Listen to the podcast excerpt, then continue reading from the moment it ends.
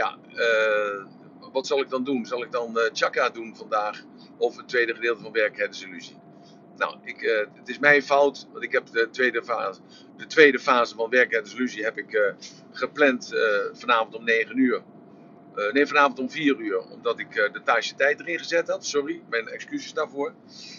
dan doe ik morgen doe ik dan het tweede gedeelte van de Werkheidsillusie. Want dat gaat ook een heel groot stuk over epigenetica. En dat is echt ook wel uh, heel serieus allemaal. Goed, dan gaan we het hebben over chakra. Hoe kom ik nou bij het woord chakra? Ik had uh, vandaag, uh, waren nog mensen op TikTok. die hadden geageerd op een pagina van mij, op een berichtje van mij. En die hadden gezegd, ja, maar je hebt chakra, heb je gestolen van Joep van het Hek. En schandalig, en dat heb je nooit verteld, en dat heb je nooit verteld. en nooit gezegd. Nou, dat is natuurlijk niet helemaal waar. Want het is zo dat in jaar, eind jaren 80 had ik het idee van chakra. En dat, ik had een film gezien namelijk. Toen dacht ik bij mezelf, ja, dat is een heel fantastisch verhaal. En met dat verhaal kan ik het opbouwen. En kan ik het, uh, het ankeren kan ik daarmee uh, visualiseren. En toen op de een of andere manier kwam Joep van Hek met het, uh, op, ongeveer op hetzelfde moment, terwijl ik het de ruimte inslingerde, slingerde hij het ook in de ruimte. Dus dat was een bewijs, althans voor mij, dat het, in het collectieve bewustzijn dat er alles is. En dat je dus uh, dat pakt en, uh, ja, en gaat scheppen. Maar dat uh, er andere mensen zijn die dat ook doen. En dat is een bewijs van de stelling dat de auto is niet op één plek uitgevonden. Of de computer, of het licht, of het pasteuriseren. Het is allemaal uitgevonden op verschillende plekken op dezelfde tijd. En hij of zij die dat heeft laten deponeren. dat is de man of de vrouw die, ja, die dat zo, zogenaamd dan uitgevonden heeft. Terwijl het alleen maar een kwestie is van uh, je pakt het op uit het collectieve bewustzijn en dan uh, breng je het naar buiten toe. Maar hoe uh, kwam dat nou eigenlijk? ja, ik had een film gezien over chakra en dat ging over een, de vervulling van de profetie. En je zag dan een vrouw, dat was de, de, een, een van de vrouwen van de koning, en die was zwanger geraakt. En deze vrouw die, ja, die vond het ontzettend fijn, maar die koning die had daar eigenlijk helemaal geen zin in. Dus die, die stuurde die vrouw uit, uh, uit het paleis. dus die vrouw die zwierf rond, daar in de kraal. Ja, gewoon uh, natuurlijk van alles en iedereen uh, verlaten. Ja, en ze was zwanger. En haar oude familie wilde haar niet meer oppakken. Haar vrienden wilden haar niet meer kennen. Dus ja, op een zeker moment dacht ze bij zichzelf: ik kan ook geen werk krijgen. Maar hoe moet dat nou eigenlijk aflopen? En toen is ze naar de medicijnman gegaan en heeft ze om abortus gevraagd. Ja, dat komt toen ook al. Dit was in 1870 zo'n beetje. Dus dat is 150 jaar geleden. En, uh, ja, die, en die medicijnman die zei van, uh, ja, ik zou dat normaal gesproken wel doen met jouw hele verhaal. Alleen, uh, ik doe dit niet, want deze, jong, deze jongen die jij draagt, hij zei gelijk, het is een jongen, dat is de vervulling van de profetie. En jij weet zelf, jij kent de vervulling van de profetie, want dat was bekend bij deze stam, dat er ooit eens een koning geboren zou worden die ongewenst zou zijn. En deze koning die zou de stam tot grote hoogte in beschaving, maar ook in geweld en in cultuur brengen. En dat zou dan ook met heel veel oorlogen gepaard gaan. Maar uiteindelijk zou dat beter zijn voor de stam. Dus hij zei tegen haar van, maar luister, ja, ik, uh, ik ga geen, uh, ik ga geen uh, abortus plegen bij jou. Want jij, het kind wat jij draagt is de vervulling van de profetie. Ja, zei die vrouw, maar, ja, maar luister, dat, dat kun je allemaal wel zeggen. Maar ik heb geen plaats om te slapen. Ik heb geen werk, zo ik kan geen geld verdienen om te eten. Ja, ik, ik ga dood van de, van de dorst. Ik, ik kan niet zonder water en ik krijg geen water. Want ik heb niet de kracht om het water uit de put te halen. Ja, dus hoe, hoe moet dat dan? Hoe gaat dat dan? maar luister, kan ik dan geld van jou krijgen? En de medicijnman zei: Nee, maar luisteren, je moet vertrouwen op de goden. En als je vertrouwt op de goden, dan komt het allemaal voor elkaar. Nou ja, de, zes maanden later, uh, ja, of uh, vijf maanden later, uh, moesten bevallen. En op de een of andere manier hadden ze toch altijd overleefd. En nu overleefden ze ook weer. Want er kwam weer iemand die zei: Nou, ik zou je wel helpen bij die bevalling. Kom maar, in mijn, kom maar in mijn hutje. En ik zal wel vragen of iemand ons komt helpen. En zo is dat kindje er geboren. En tot haar verbazing was het ook nog een jongetje. Dus ze nam dat jongetje beet. Terwijl het dus net geboren was. En, en ze drukte het tegen zich aan. Ze gaf het te drinken. En ze zei tegen het kindje van, oh lieverd, lieverd, oh schatje, schatje toch. Eens word jij koning der Zulus, eens word jij koning der Zulus. Ja, dat was eigenlijk het enige wat ze tegen hem zei. En voor de rest uh, dachten ze er ook niet aan om terug te gaan naar die koning. Om te zeggen van, er is een kind geboren, je hebt een zoon gekregen. Ze dacht bij zichzelf, maar luister, ik maak er gewoon het beste van wat je ervan kan maken. En op de een of andere onverklaarbare manier was er toch altijd iemand die haar hielp. Hulp in de vorm van uh, voedsel. Er kwam altijd hulp in de vorm van een... Uh, van een kleedje, hè, van kleding. Er kwam hulp dat er water gebracht werd. er waren mensen die bouwden voor een, een hutje in de kraal. En zo groeide het jongetje dus op. En ondertussen was natuurlijk de koning op de hoogte gesteld dat zij een kindje had gekregen, dat het een jongetje was. En dat dat de vervulling van de profetie was. Maar ja, de koning was een, een beetje een recalcitrante vent. Geloofde in niemand en in niets. En dus ook niet in de profetie. Ja, stilletjes natuurlijk wel. Maar ik dacht mezelf, dan weet je wat, eh, bekijk het allemaal maar. Ik leef gewoon mijn leven. En hij hief belastingen. En hij had het eh, leven als een prins. Hij had vier, vijf vrouwen. Hij was eh, wel een klein beetje dik geworden als een pad. Maar hij hoefde het allemaal niks te doen. Want bij, vanaf geboorte had hij de kroon gekregen en de troon gekregen. Maar die moeder die moest natuurlijk hard werken om dat kind ja, bezig te houden, op te voeden, recht te houden.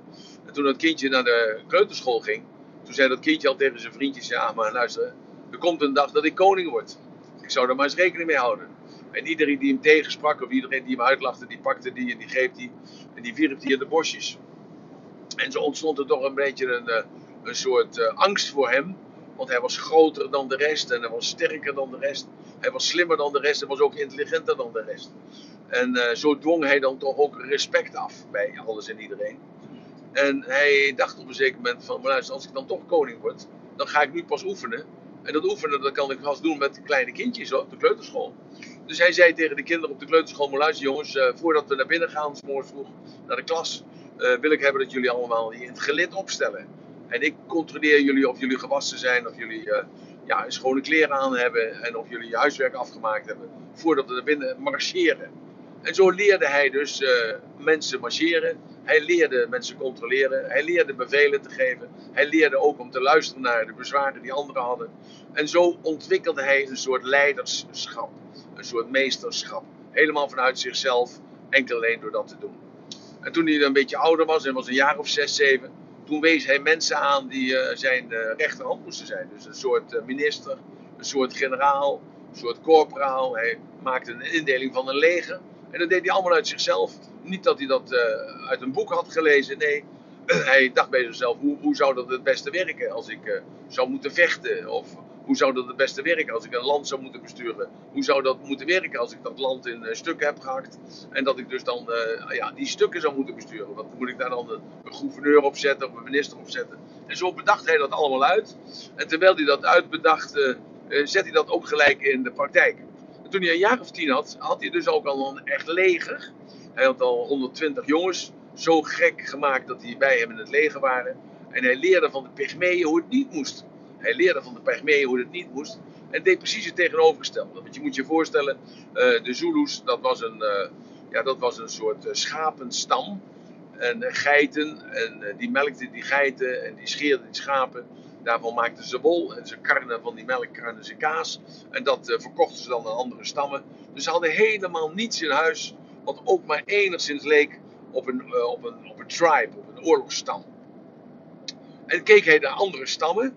En hij uh, leerde, om te, enkel alleen door te kijken van andere stammen hoe die oorlog voerden, leerde hij hoe hij het anders moest doen. En zo ontwikkelde hij een stijl dat hij met een speer en een schild mensen kon doden. En dat, toen was hij een jaar of acht, negen heel interessant om dat wel te zien. Hoe hij dus van een uh, slechte eigenschap, van een slechte manier van oorlog voeren bij andere stammen, juist het beste eruit pikte en dat combineerde. Hij leerde de, zijn soldaten, je moet je voorstellen, een jaar of acht, negen, leerde hij 10 kilometer per dag te, eh, te rennen op blote voeten. Hij leerde hen dus uh, zelf, hij, deed dat ook voor, met dat schild en die spier.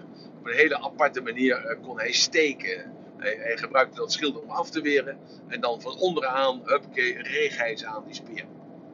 En die, die echte koning natuurlijk, die hoorde dat natuurlijk wel. En die twijfelde eerst nog een beetje van zal ik hem naar huis halen. Maar ja, die kende de profetie natuurlijk ook.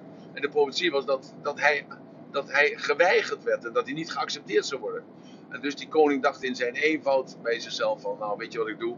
Ik, uh, ik, ik moet ervoor zorgen dat hij het, uh, het land verlaat. Ik moet ervoor zorgen dat hij de kraal verlaat. En als hij de kraal verlaten is, maar luister, als hij er buiten de kraal is, is geen water, is geen vuur, zijn alleen maar wilde dieren. Is er geen bescherming van uh, zijn broeders of van zijn vrienden. En dan, ja, dan wordt hij vanzelf wel vermoord. En dan was ik mijn handen in onschuld. Een soort Pontius Pilatus. Dus hij, hij gaf bevel aan zijn ministers om eh, deze man, dus deze jongen, samen met zijn moeder uit de kraal te verbannen. Nou, dat gebeurt natuurlijk ook, want die koning was een soort halve dictator. Dat gebeurde dus de hele, het hele dorp was uitgelopen en die zagen hoe die jongen dus, uh, ja, het was een jongen van 12 jaar, maar hij zag er wel veel ouder uit, omdat hij was lang en slungelachtig. Hij was nog niet gespierd. Ja, en hij, uh, ja, hij, hij verliet het dorp samen met zijn moeder. En naar buiten de kraal gekomen. Je moet je voorstellen, buiten in elk dorp daar in Afrika, daar is een soort met, met grote bomen, is er dus een soort, uh, soort heg, een hek omheen gemaakt. En dat, dat vormt dan de kraal. En de beesten die waren ook daar binnenin. Dus hij stond daar buiten met zijn moeder. En ja, zijn moeder moest eigenlijk huilen. Hij moest eigenlijk ook een soort huilen. En toen maakte hij ervan van, mama, maar luister lieverd, we maken er het beste van. Kom op, uh, we gaan ons beschermen en we gaan ervoor zorgen dat we vanavond veilig kunnen slapen. Nou ja, zo gezegd, zo gedaan. Ze liepen de jungle in. Je moet je voorstellen dat voor hem onbekend gebied, en voor zijn moeder zeer zeker, ook onbekend gebied. En hij zei, mama, weet je wat we doen? We slapen vanavond, slapen we in een, uh, in een boom, onder grote takken. En uh, dan kunnen de, de beesten ons niet zien en niet ruiken. En die kunnen ons ook niet aanvallen. En dan gaan we op dat moment wel beslissen samen hoe we dat verder gaan doen. Nou ja, zo gezegd, zo gedaan. Dus die, uh, die dag hebben ze samen, of die nacht hebben ze samen doorgebracht. Die nacht hebben ze samen doorgebracht. En uh, in dat doorbrengen uh, heeft zijn moeder hem verteld over de hemellichamen en over al de goden die er waren. Zijn allemaal, natuurlijk allemaal goden die te maken hebben met natuur en die cultuur. En zo leerde hij dus hoe hij ja, dat er meer was tussen hemel en aarde. En dat hij de goden aan kon roepen. En dat hij de goden dus om bescherming kon vragen. En dat, dat deed hij eigenlijk ook gelijk, in diezelfde nacht. En zo overleefde zij en was het eigenlijk een hele spirituele les die dag alleen in zijn moeder, uh, daar in die boom. En de volgende morgen, dus bij het ochtendverloren in Afrika, is het zo dat het, het ligt heel dicht bij de Evenaar. En dan is de zon is er ook meteen. Dat is heel mooi. Als je ooit in Afrika bent, dan uh, s morgens vroeg is het stikken, stikken, stikken donker. Tenminste, als er geen maan is natuurlijk dan. En dan, uh, dan, dan zie je dat uh, in één keer het zonlicht komen aan het eind van de horizon. en dan, dan, dan, dan komt die bol, hè, die zon, die komt er in één keer aan. Dat is, dat is een hele rare gewaarwording, een hele mooie gewaarwording. Dat je gelijk van de duisternis onmiddellijk binnen een, uh, binnen een minuut sta je volledig in het zonlicht. En dus toen de zon uh, hoog aan de hemel stond, en dat is dus binnen een paar minuten, zei hij tegen zijn moeder: Mama, ik ga naar buiten toe en ik ga kijken of ik wat water voor jou kan vinden. Want we hebben de hele nacht niet gedronken. Gisteravond hebben we ook niet gedronken. We moeten kijken waar we water kunnen vinden. Zijn moeder zei nog van ja, zo, er is geen bron hier en er is geen rivier hier. We zitten ver van de rivier. Hoe, hoe, hoe ga je dat dan fixen? Nou zegt hij, laat maar aan mij over. Maar jij blijft op deze plaats zitten en je wacht op mij. Nou ja, dat gebeurde dus en hij liep weg. En uh, hij vond wat kalabassen. Hij dacht, nou weet je wat, ik neem zo'n kalabas mee. Als het dan kan ik in ieder geval gebruiken om daar water in te doen. En uh, toen stond er een heel groot hek. Ja, je moet je niet voorstellen, een herashekwerk natuurlijk, maar uh, gevlochten van, van allerlei twijgen en bomen aan elkaar verbonden met touwen. Een hele grote borden eraan. Verboden toegang, alleen uitsluitend toegankelijk voor, voor de koning en voor de medicijnman. En hij dacht bij zichzelf, nou ja, maar luister, laat maar aan. Ik ben toch de toekomstige koning. Dus ik ga er gewoon doorheen. En, uh, en het uh, bekijken, maar er is niemand die me controleert. En dat verhaal van die boze geesten, naar dat verhaal van wat hij s'nachts had gehoord van zijn moeder, zijn er meer witte geesten dan zwarte geesten. En de witte geesten beschermen je altijd. En die vechten het dan wel uit met de zwarte geesten. Dus met die wetenschap doorbrak hij het hek. En hij liep verder. En ongeveer een metertje of 100, 200 verder meter zag hij een heel groot blauw meer. En ja, dat was natuurlijk het rook fris, het was water. Ik dacht bij jezelf, ja, geen wonder dat we hier niet mogen komen. Het volk moet uh, dom gehouden worden. Hij pakte zijn kalabas en doopte die in het water. Hij dronk eerst eventjes ervan om te kijken of het, of het helder water was. En ja hoor, het was het meest heldere water wat hij ooit en die dompelde hij erin en hij liep terug naar zijn moeder. En hij gaf, zijn moeder gaf hij dat water. En zijn moeder, ja, die was natuurlijk ontzettend blij en trots op haar zoon. Hij zegt, mama blijf nog even zitten en dan ga je even kijken of ik uh, nog wat eten kan vinden. Misschien zijn er nog uh, wilde ananassen of uh, bananen of misschien zijn er wat andere vruchten. Ik ga even door het bos heen lopen, door de jungle lopen en ik, ik kom zo wel terug.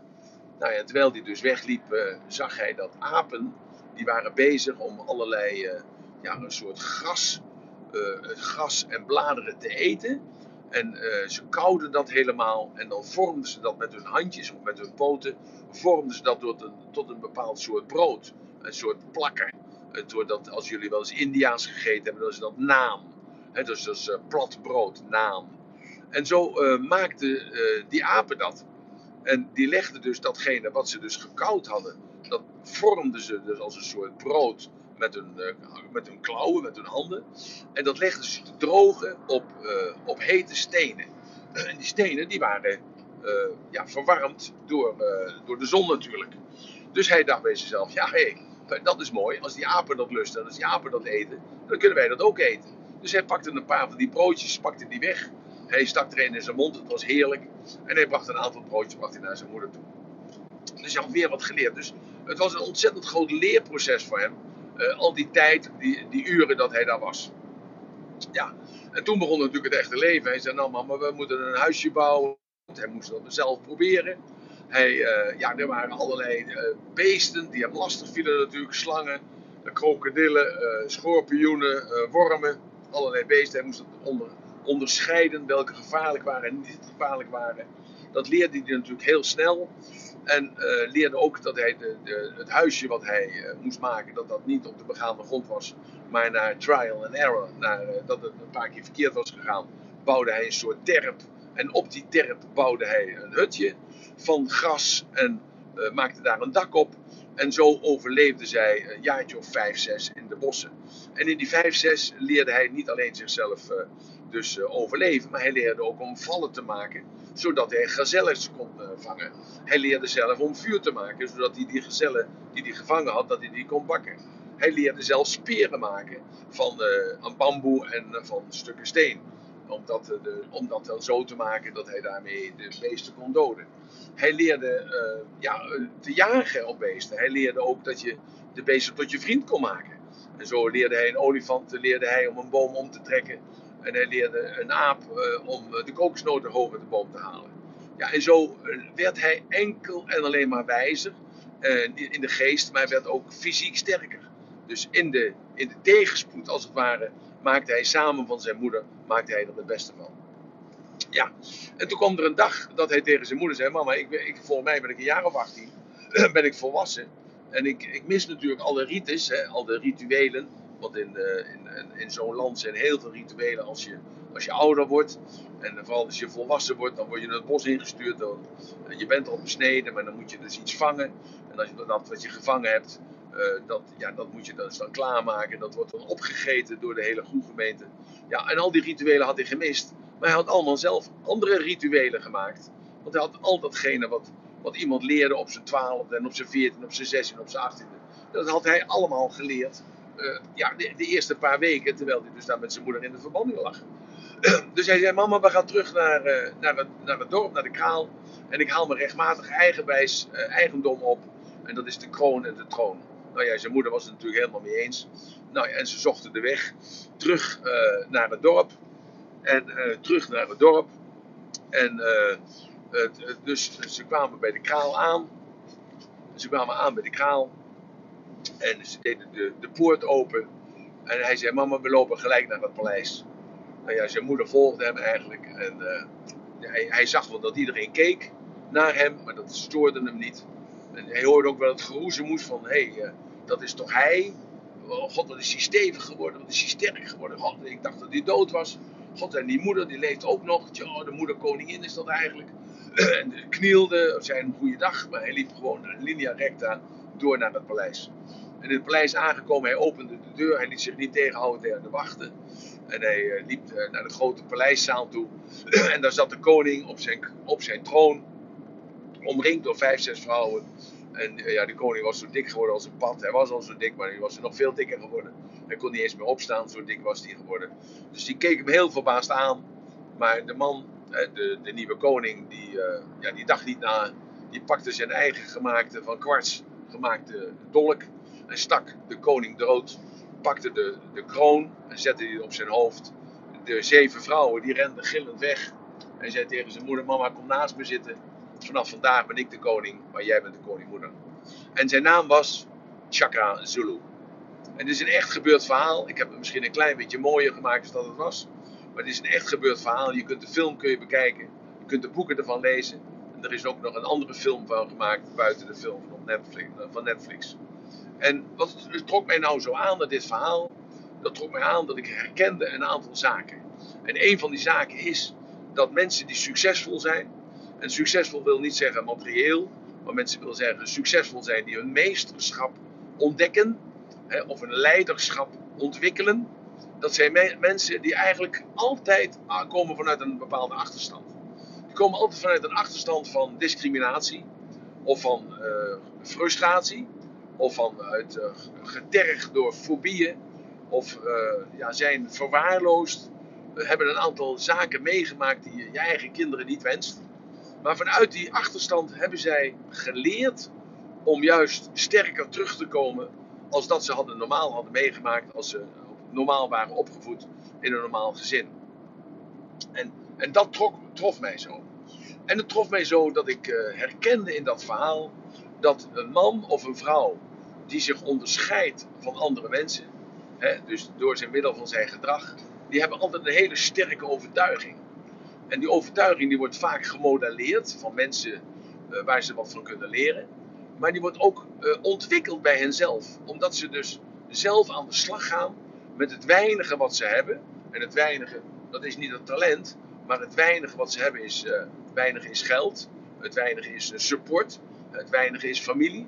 Het weinige is steun. Het weinige is liefde. Juist dat ze dus vanuit dat, dat weinige, dat ze zichzelf daarin ontwikkelen. En zo heb ik bedacht dat een positief anker, ik zal zo lekker uitleggen wat een positief anker is, dat dat positieve anker, dat dat juist sterker wordt als je die toon erbij zet. Want een anker, hè, een herinnering, is een herinnering, een positieve of een negatieve herinnering, is altijd het sterkst. En dus in het negatieve ook dus. Hè, dus, een, dus een negatief anker, dus een negatieve associatie, is ook heel is sterker als het beleefd wordt met heel veel zintuigen. Nou, en we weten nu allemaal wel dat we vijf zintuigen hebben. We hebben onze ogen, onze oren, onze neus, onze mond en onze huid. Dat zijn de vijf entrees tot de werkelijkheid. Entrees tot onze innerlijke wereld. we hebben onze externe communicatie. Dat doen we door middel van deze vijf zintuigen ook. We spreken met de mond. We, zeggen het gewoon iets met onze ogen. We, ons gevoel. Dat laten we merken door iemand aan te raken. Of juist die energie te bemiddelen. En de smaak en de geur. Dus die vijf zintuigen gebruiken we met onze externe communicatie. Maar die gebruiken we ook met onze interne communicatie. En dat chakra laat juist zien, voor mij althans, dat het dus de overtuiging was van die moeder. Van we luisteren, we gaan naar buiten toe en we laten ons dat overkomen, maar we maken er het beste van. En de overtuiging van de zoon. Dus met elkaar een synergie. Een synergie wil zeggen dat dat meer is dan de som der delen. Dus 1 en 1 is, uh, ja, is de, gewoon de som der delen. 1 en 1 is 2. Maar als er synergie is, dat wil zeggen dat twee mensen gelijke overtuiging hebben. Dus deze mensen hadden alle twee dezelfde overtuiging. Ik ben de zoon van de koning en ik ben de vervulling van de profetie. Dus eens word ik de koning, ook al heb je me alles afgenomen. Dan is dus die synergie, is dat die twee gedachten bij elkaar, dat is dus niet 1 en 1 is 2, nee, maar die 1 en 1 maakt 3. En dat is de synergie. En vanuit die gedachte, dat doorgewerkt in mijn hoofd toen de tijd, eind jaren 80, begin jaren 90, uh, ja, had ik natuurlijk dat positief en negatief verankeren had ik natuurlijk onder de knie. En dat ging echt met, zo, met een soort uh, woesh, of een oe, of een soort streep. Een, soort... Maar dat was voor mij eigenlijk nooit iets wat verbaal, qua tonatie, dat dat voldoende was. En zo dacht ik bij mezelf, als ik dat woord chakra nou zo maak, dat het op een bepaalde manier uitgesproken wordt, ja, dan heb je een woord wat uniek is dat is apart, dat, dat gebruikt eigenlijk niemand. En je combineert dat met een bepaalde beweging, dat is dus een soort, um, een soort krachtbeweging. Dus een, een, een, beweging van boven naar beneden, samen met die hele arm. En je beëindigt die beweging beëindig je met een vuist te maken. en je kijkt naar die vuist, hè, dus dat is, je hoort het soeven van die vuist naar beneden gaan. Je kijkt naar die vuist, je ziet die vuist. Uh, je, je knijpt jezelf, knijp jezelf als het ware met die, met die uh, nagels van je vingers knijp je in, de palm van je handen. Dus je voelt het ook. En dan zeg je daarbij, terwijl je dat maakt, zeg je gewoon op een overtuigende wijze, zeg je! Zo, tjaga! Zo, dus je verankert dat positieve gevoel van dat moment. Veranker je dus met die beweging van boven naar beneden. Dus de zoef, dus dat is de beweging. Je voelt het in je lijf. Je maakt je rechtervuist. Je knijpt in die rechtervuist. Je kijkt naar die vuist. Je voelt die, dat, je voelt die, die nagels voel je in, je in je palm van je hand. En je zegt dan, dan bij! Zo. Ja, en dan als je dat een paar keer gedaan hebt, dus een paar keer een positief gevoel verankerd hebt met deze beweging, met dit geluid, met die tonatie en met, die, en met dat gevoel, ja, dan ben je onoverwinnelijk. Dan ben je dus eigenlijk Chaka Zulu geworden. En zo is het ontstaan, dat woord Chaka, wat ik dan dus geleend heb van meneer Chaka, ik het zo zeggen. Alleen Chaka, ik ben in Zuid-Afrika daarna geweest en bleek dat Chaka wat anders geschreven is met een SCH. Uh, nee, een CH, zo, C-H-A-K-A.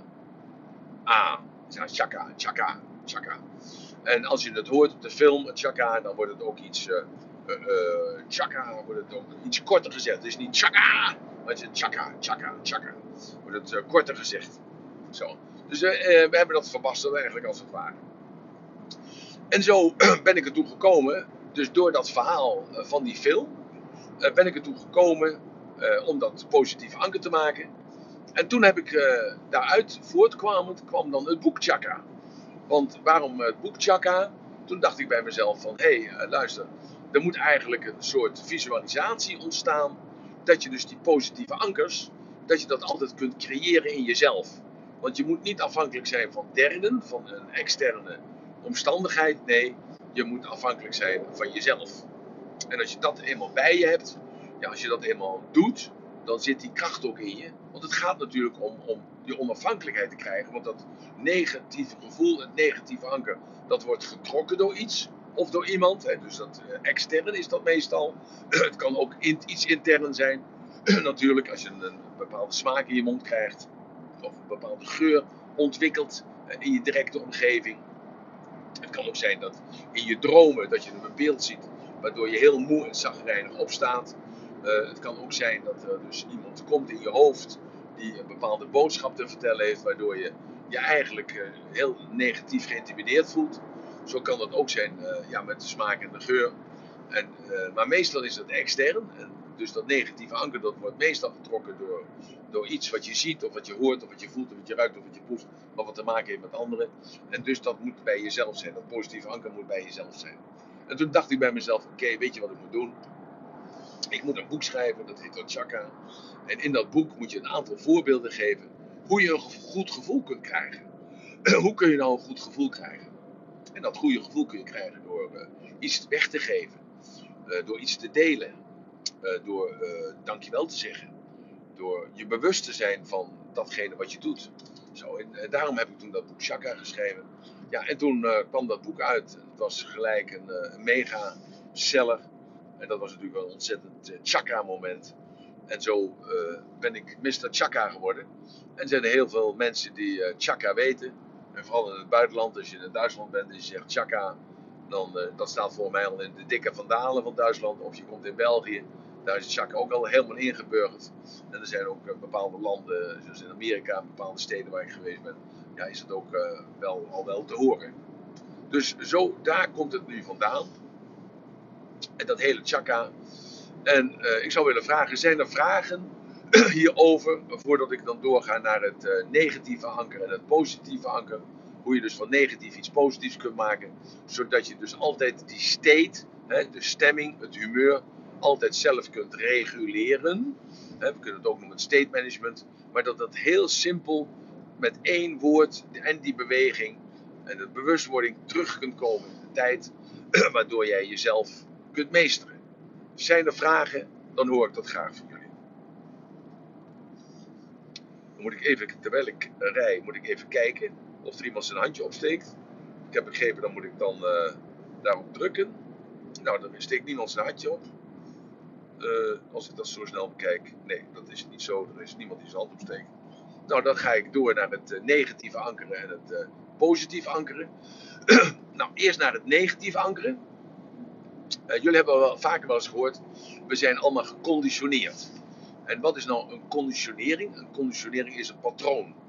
En een patroon is van oor. Een patroon wil zeggen dat er een oorzaak- en gevolgketen verankerd wordt. Hè? Dat is dus een elektronisch, een elektrisch stroompje eigenlijk als het ware, wat door die neuronen heen gaat. Dus alles wat wij meemaken, dat nemen we waar door middel van die vijf zintuigen. En dat wordt herkenbaar gemaakt uh, op dat scherm onder die doom.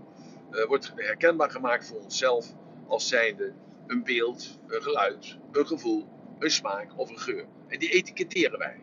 En die slaan wij als het ware op in een grote kast. En die, die kast heeft een aantal eh, etiketjes, bepaalde labels gekregen van jou.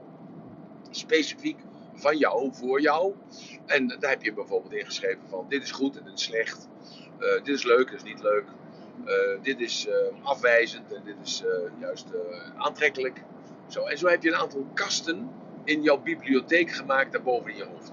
Je zou ook kunnen zeggen, je hebt het opgeschreven, een soort, soort documenten, hè, zo zou je het ook kunnen zeggen. Je zou ook kunnen zeggen van, het, je hebt een soort jukebox gemaakt in je hoofd. Het is maar net welke meta, meta voor, voor jou aantrekkelijk is, wat, waar jij je het meest in kan vinden. Maar in ieder geval is het zo dat dus al die negatieve associaties, die beginnen ergens. En die negatieve associaties, ik heb nu alleen maar even over negatief, hè? ik heb straks over positief. Die negatieve associaties, die beginnen ergens. Die beginnen met een gebeurtenis. En die gebeurtenis, die krijgt van jou een etiket. En waarom krijgen die op dat moment voor jou een negatieve etiket? Omdat jouw stemming negatief gepold is. Je bent negatief gepold. En heb al eerder gezegd, en morgen gaan we het daarover hebben, over die werkelijkheid. Die werkelijkheid wordt gefilterd voordat het de neocortex inkomt, wordt het gefilterd door jouw humeur. En dat humeur bepaalt op welke plaats het in de neocortex terechtkomt. En nadat het in de neocortex terechtgekomen is, krijgt het een etiket van pijn of plezier. Even heel basic, dus deze twee emoties. Nou, vanuit dus die, dat humeur, wat een negatief humeur is, je bent zagrijnig, uh, je bent uh, teleurgesteld, je bent uh, ja, misschien wel kwaad, of je bent. Nou, noem alles, noem alles maar op wat jij eigenlijk niet wilt zijn. Jij, meer of mindere mate, had jij op dat moment had jij last van. Niet bewust, hoeft niet bewust, kan ook onbewust zijn geweest. Dat, dat die gebeurtenis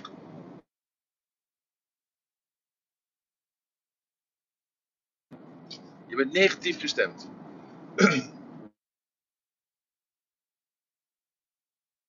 Zo. En dat, dat, wordt dus in die neocortex wordt dat beladen. He, beladen, er is een overtuiging. Dat is de tweede filter. En de overtuiging is, zou kunnen zijn, bijvoorbeeld, wat je geeft, wat je krijgt is niks waard. Want je moet er wat voor doen. Dat zou een overtuiging kunnen zijn. Nou, dan gaat het in een kastje. Dan gaat het in een kastje, of dan gaat het in een laadje, of dan gaat het plaatje. Wordt dat neergezet zo van dat dit eigenlijk vervelend is. Want je voelt je daarbij vervelend. Want die overtuiging krijgt namelijk bevestiging dat buiten jou om dat ook mensen zijn die gewoon vinden dat als het niks waard is, dat je het gewoon weggeeft. Daarom heb je het ook gekregen. En dus voel jij je er slecht bij. Nou, dat gebeurt er in je hersenen. En dat kan een heel lang proces zijn.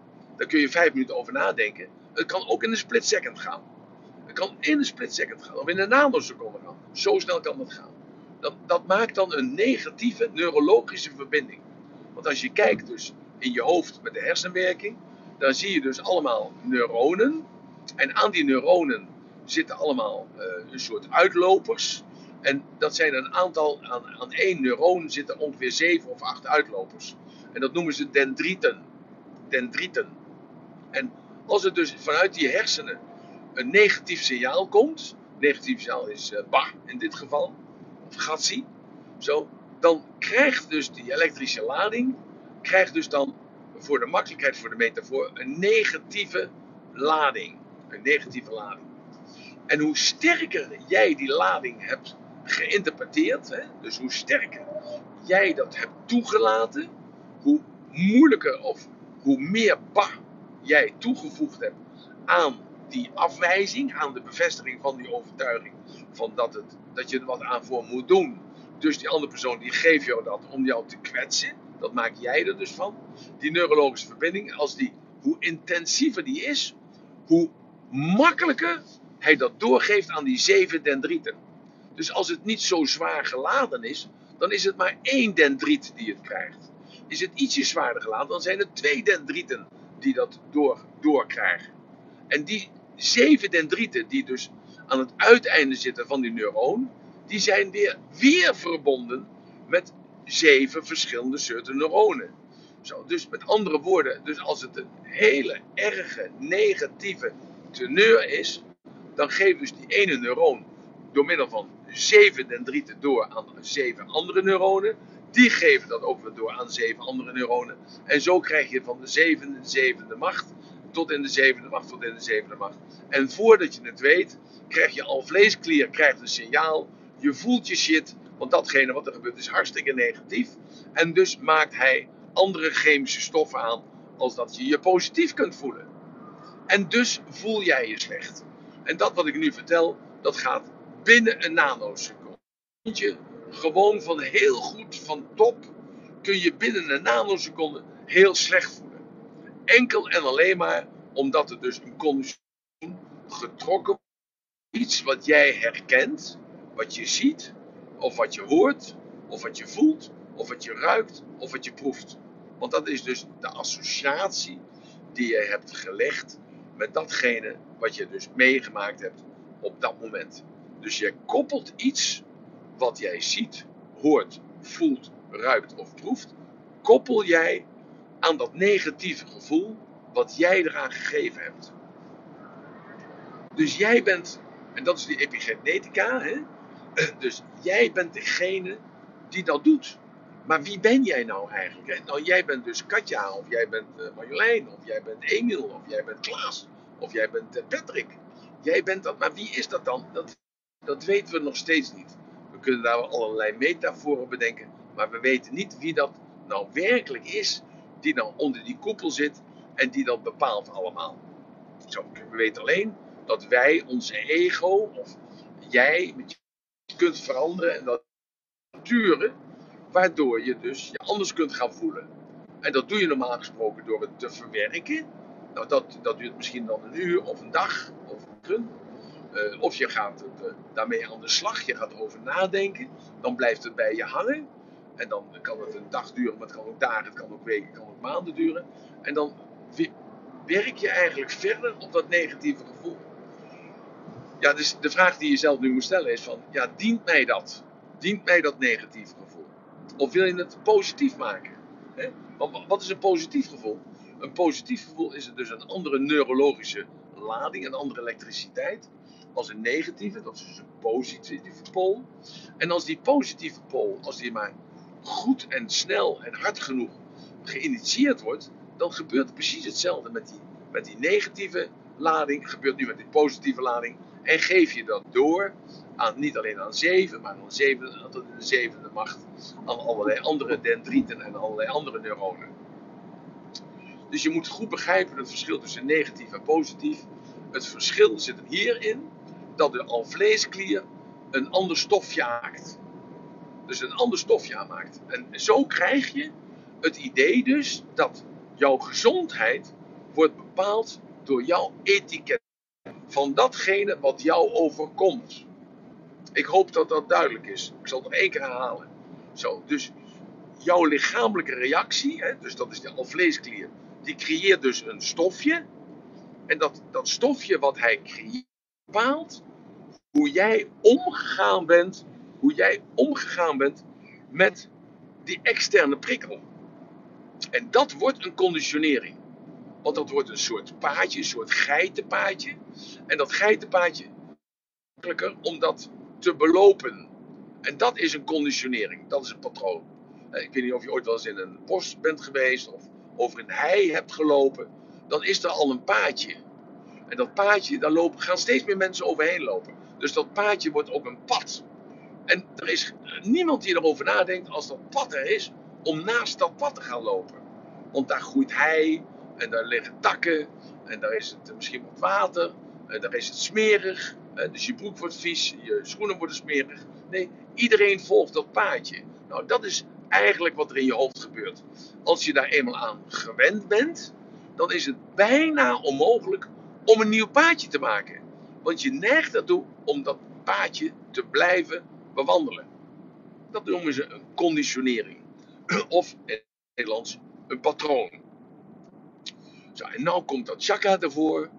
Als jij dus dat positieve chakra zo geoefend hebt, het elke keer als jij je goed voelt, elke keer als je het dus goed doet, elke keer als dat je dankbaar bent, elke keer als je dus verstomd staat van jezelf, hoe je dus hebt iets gedaan, elke keer als je een prestatie hebt geleverd, elke keer als je je voorneemt om een prestatie te doen, het maakt allemaal niet uit. Gewoon elke keer als je in een positieve high bent, dan maak je die beweging met je rechter of met je linkerarm, dat moet je zelf weten.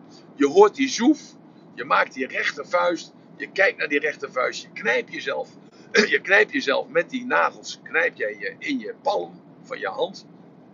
En je roept dat ene woord, dat is chakra. Ik weet niet of jullie ooit wel eens gekeken hebben naar Ronaldo. Ronaldo, de, de voetballer. Dat is het verschil tussen Ronaldo en uh, die andere heet uh, Jesse. Nee, hoe die ook weer? Hoe heet die andere voetballer ook weer? Uh, en wat is dat je ziet dat Ronaldo uitbundig is. Die is uitbundig. Als hij iets gescoord heeft, dan maakt hij een slide. Dan maakt hij een slide. En dan, dan komt hij daar aangestormd. En dan, als hij dan dus op volle snelheid is, dan werpt hij zichzelf op de knieën. En dan, dan, dan, als het ware, dan, dan glijdt hij nog gewoon uh, eh, 10 meter door. En als hij dan helemaal een topper heeft gemaakt, dat hij helemaal enthousiast is, dan heeft hij veel meer kracht in zich. En dan maakt hij die slide. En in die slide draait hij zich als het ware om. Dus als je dat ziet, dat is gewoon zo, uh, ja, gewoon zo fantastisch als je dat ziet. Dat je, ik word er gewoon opgewonden van. Zo, dus dat, dat is ook een positief anker. Een positief anker is een, uh, een beker die je ooit hebt gekregen. Of een positief anker is een diploma wat je hebt gehad na vier jaar uh, strijden op de school. Een positief anker is een schouderklop die je gekregen hebt van iemand. Een positief anker is een, een knikje van iemand van zo, hè, van begrijpen van oké, ik ben trots op jou. Het is een blik uit iemands ogen. Zo, en dat zijn allemaal positieve angsten. En dan zijn er nog honderdduizend bij te bedenken. En die, al die positieve die zijn eigenlijk allemaal met elkaar verankerd, bij mij althans, in die, uh, in die vuist, uh, in die beweging, uh, in dat woord chakra. En, ja, en daardoor voel ik me eigenlijk altijd goed. Want ik heb natuurlijk ook momenten dat negatieve ankers op mijn pad komen. Als mijn zoon dan voorleest van de TikTok, wat er dan gezegd wordt over mij, ja, dan denk ik ook van, uh, moet ik hier nou kwaad op worden? Moet ik hier nou verdrietig op zijn? Uh, moet ik hier nou medelijden hebben? Moet ik nou? maar het neigt allemaal naar depressie. Het neigt allemaal naar een lagere ademhaling. Het neigt allemaal naar een, de ogen naar beneden. Het neigt allemaal naar een, een soort gevoel van niet kunnen leveren wat er gevraagd wordt. Niet kunnen leveren naar wat er gevraagd wordt. En, en wie vraagt er wat? Ik vraag aan mezelf. Ik aan mezelf. Ik vraag aan mezelf het beste. Zo. Dus, en, en dan uh, glij ik weg, als het ware. En daarom is dat positieve anker zo belangrijk. Ik maak mijn rechtervuist. Ik knijp mijn rechtervuist. Ik kijk naar mijn rechtervuist. Ik voel die nagels in mijn palm. Ik zeg dat in een woord. Tjaka! En ik ben weer die hele positieve gozer. Want namelijk die neuronen anders als op dat moment in dat pad schieten van positieve energie. En die kunnen niets anders als een bericht sturen naar andere dendrieten die helemaal doorvrocht zijn van die positieve energie. En die geven door aan mijn alvleesklier. Hup, maak adrenaline aan. Hup, maak antizoglomine aan. En maak allerlei positieve stofjes aan. Zodat jij je goed voelt. En sterk voelt en krachtig voelt. Dus wat op de negatieve, gebeurt, negatieve manier gebeurt, gebeurt ook op de positieve manier. Het heeft alleen een andere lading, hè? we zeggen dat al. Het heeft een andere lading. En door die, juist die andere lading krijgen wij een ander gevoel.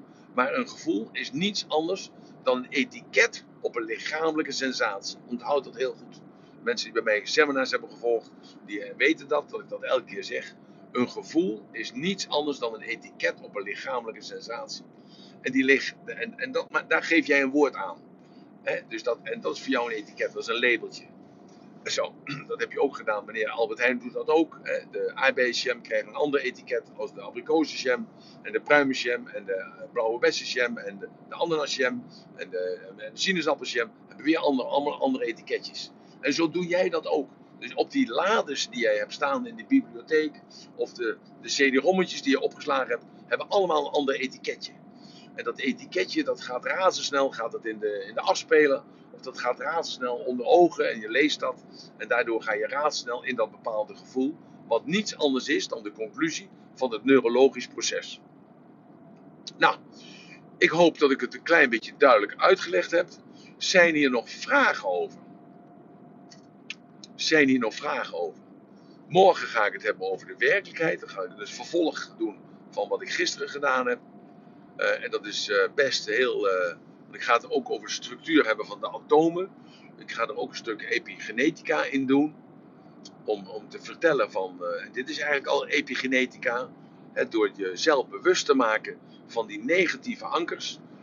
die je jezelf uiteindelijk hebt geplaatst. Heb je uiteindelijk zelf geplaatst. Zelf gemaakt.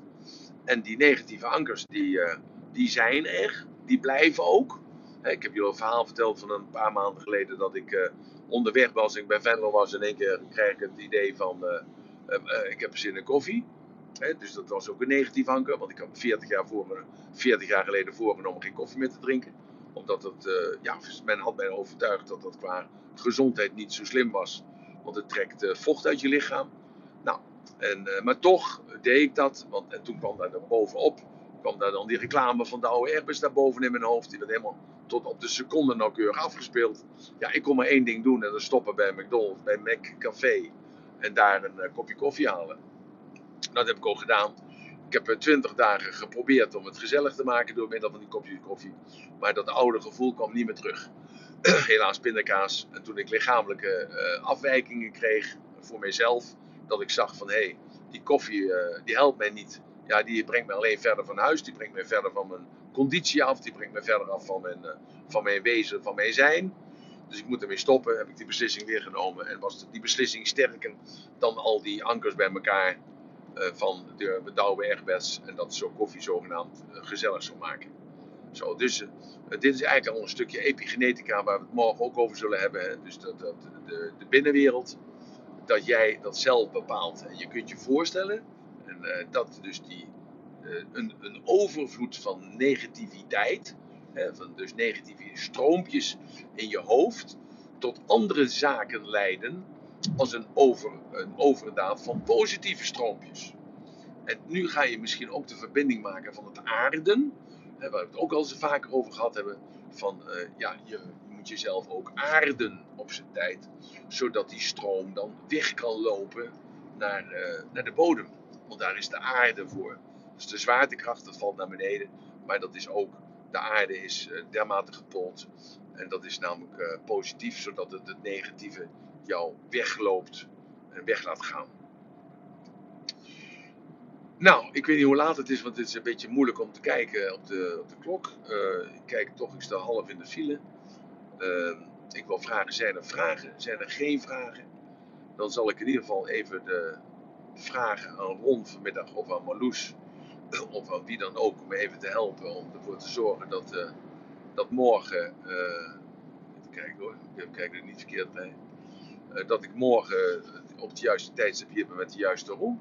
Dat is dan het vervolg van de werkelijkheid. En ik moet even oppassen jongens, want ik zit hier net even op een weg waar ik niet helemaal goed de weg weet. dan moet ik zo rijden. Zo, dus dan wil ik jullie bedanken als er geen vragen zijn of geen opmerkingen zijn. wil ik jullie danken voor jullie energie en voor het te zijn. Dank jullie wel voor het maken van deze roem. Het ratelbandje voor vandaag is, let nu eens even op, op hoeveel negatieve ankers er zijn bij jou. Hoe vaak gebeurt het nu dat jij je voorneemt dat het goed moet verlopen en dat het eigenlijk anders verloopt dan dat jij gedacht hebt. En dat je je richt op het positieve gevoel in jezelf. En dat op de een of andere onverklaarbare manier er iemand toch in staat is door middel van iets te zeggen, door middel van een bepaalde uitdrukking, door middel van iets wat hij, jou, hij of zij jou aanraakt op een bepaalde plek die jij niet prettig vindt. Of dat er misschien een bepaalde geur is die uit zijn mond komt. Of die misschien wel van parfum is of wat dan ook. Of een bepaalde smaak die je krijgt als je ergens eet. Of als je ergens op een bepaalde manier bent dat er gewoon iets, uh, een bepaalde smaak in je mond krijgt. Ik heb dat bijvoorbeeld als ik uh, een tekort aan voedingsstoffen krijg, krijg ik een bepaalde smaak in mijn mond. Wat ervoor zorgt dat ik ga eten. Geef maar even een voorbeeld. Zo, dus uh, let daar dan op vandaag. En dat is het ratelbandje voor vandaag. En dan wens ik jullie voor de rest allemaal vandaag een hele mooie woensdag. En ik ben gelukkig weer gezond en veilig thuisgekomen. Dus morgen kan ik uh, jullie weer heel rustig toespreken vanaf mijn eigen bureau. Dank jullie wel en hopelijk tot morgen.